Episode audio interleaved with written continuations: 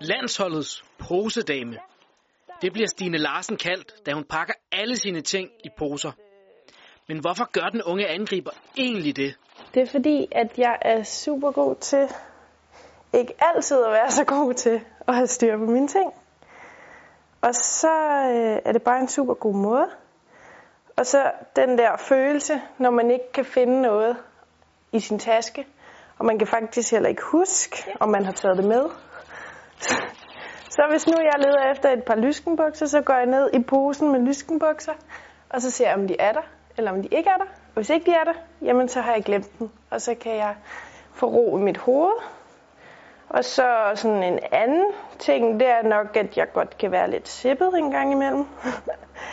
og så, er det, så jeg sikrer jeg mig, at der ikke kommer nogen mærkelige dyr eller et eller andet ned i min taske fra de forskellige hoteller.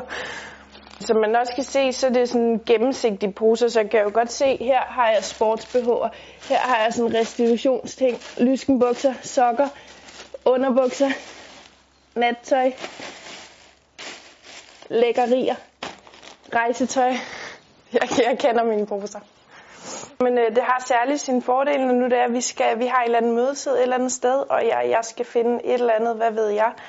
Og så, øh, hvis nu det bare ligger hulter til bulter, så kan jeg rode det hele rundt, og jeg får det ikke øh, rodet op igen. Og så her, så kan jeg bare lige gå ned i posen, og så, ja, så er det der.